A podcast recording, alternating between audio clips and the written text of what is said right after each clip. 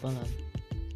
Pada episode kali ini, kita bakal ngebahas tentang bisnis kuliner, yaitu 5 resep sukses bisnis McDonald.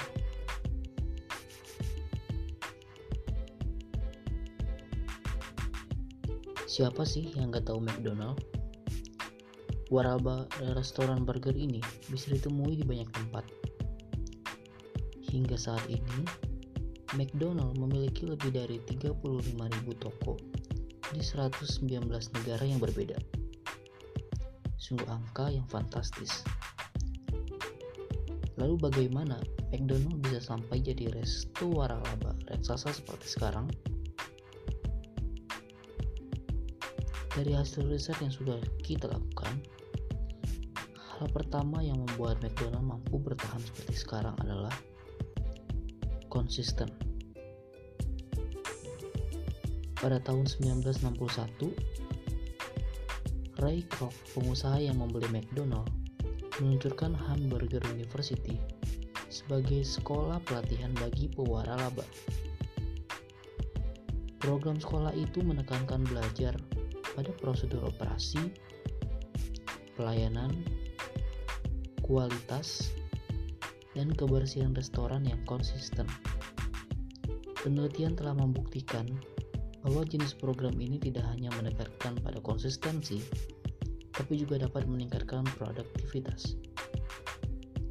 Karena dari awal McDonald ini diriset menjadi sebuah bisnis waralaba.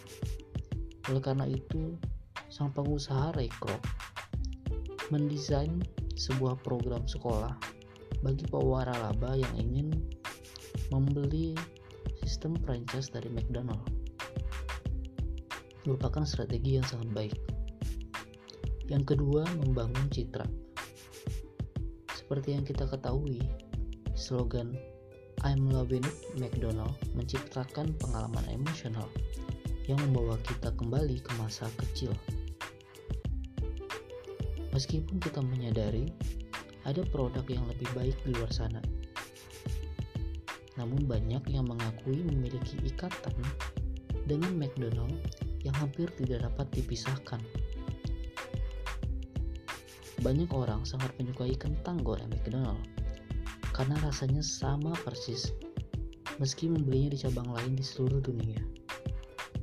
Kehadiran citra yang kuat, konsistensi rasa, inilah yang membuat membangun kredibilitas dan kenangan dengan pelanggan. Hal ini berhasil dibentuk oleh Ray Kroc melalui program sekolah bagi pewaralaba tersebut. Yang ketiga, berani ambil resiko. Restoran cepat saja cepat saja ini tidak takut bermain-main dengan menu baru. Awalnya, menu hanya berisi hamburger, cheeseburger, kentang goreng dan minuman. Namun seiring berjalannya waktu, Waralaba ini menambahkan item sarapan, Happy Meal, McNuggets, McFlurry, dan produk lainnya. Sayangnya ada beberapa menu yang cukup mengalami kegagalan. Namun tanpa mengambil resiko, McDonald tidak akan tumbuh menjadi restoran raksasa global yang kita kenal sekarang. Yang keempat, beradaptasi dengan pelanggan. Alasan McDonald rela mengambil resiko karena perusahaan sangat menyadari kebutuhan dan keinginan pelanggan adalah hal yang penting. Pada tahun 1975, McDonald yang terletak di dekat sebuah pangkalan militer di Arizona menawarkan drive-thru pertama. Tujuannya untuk melayani tentara yang tidak diizinkan meninggalkan kendaraan di saat mengenakan pakaian seragam. Sejarah drive-thru McDonald ini sungguh mengagetkan karena mereka sangat mampu melihat peluang dan memanfaatkan kondisi yang dialami oleh pelanggan. Lalu yang kelima, cross selling. Cross selling adalah teknik menjual produk dengan cara menawarkan produk lain. McDonald biasanya menjual produknya dengan minuman cola terkenal ataupun minuman teh yang terkenal. Cara ini ternyata efektif meningkatkan penjualan. Tentu saja teman-teman yang sering membeli McDonald pasti tahu jika membeli suatu menu maka akan ditawarkan menu yang lainnya ataupun menu pengganti.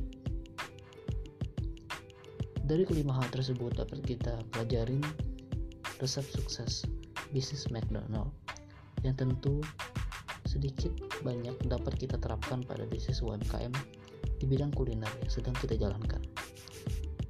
Terus ikuti podcast UMKM Master untuk mengetahui tips, trik, ataupun informasi mengenai UMKM di Indonesia. Harapannya, agar UMKM di Indonesia dapat naik ke level selanjutnya. Selamat malam. thank you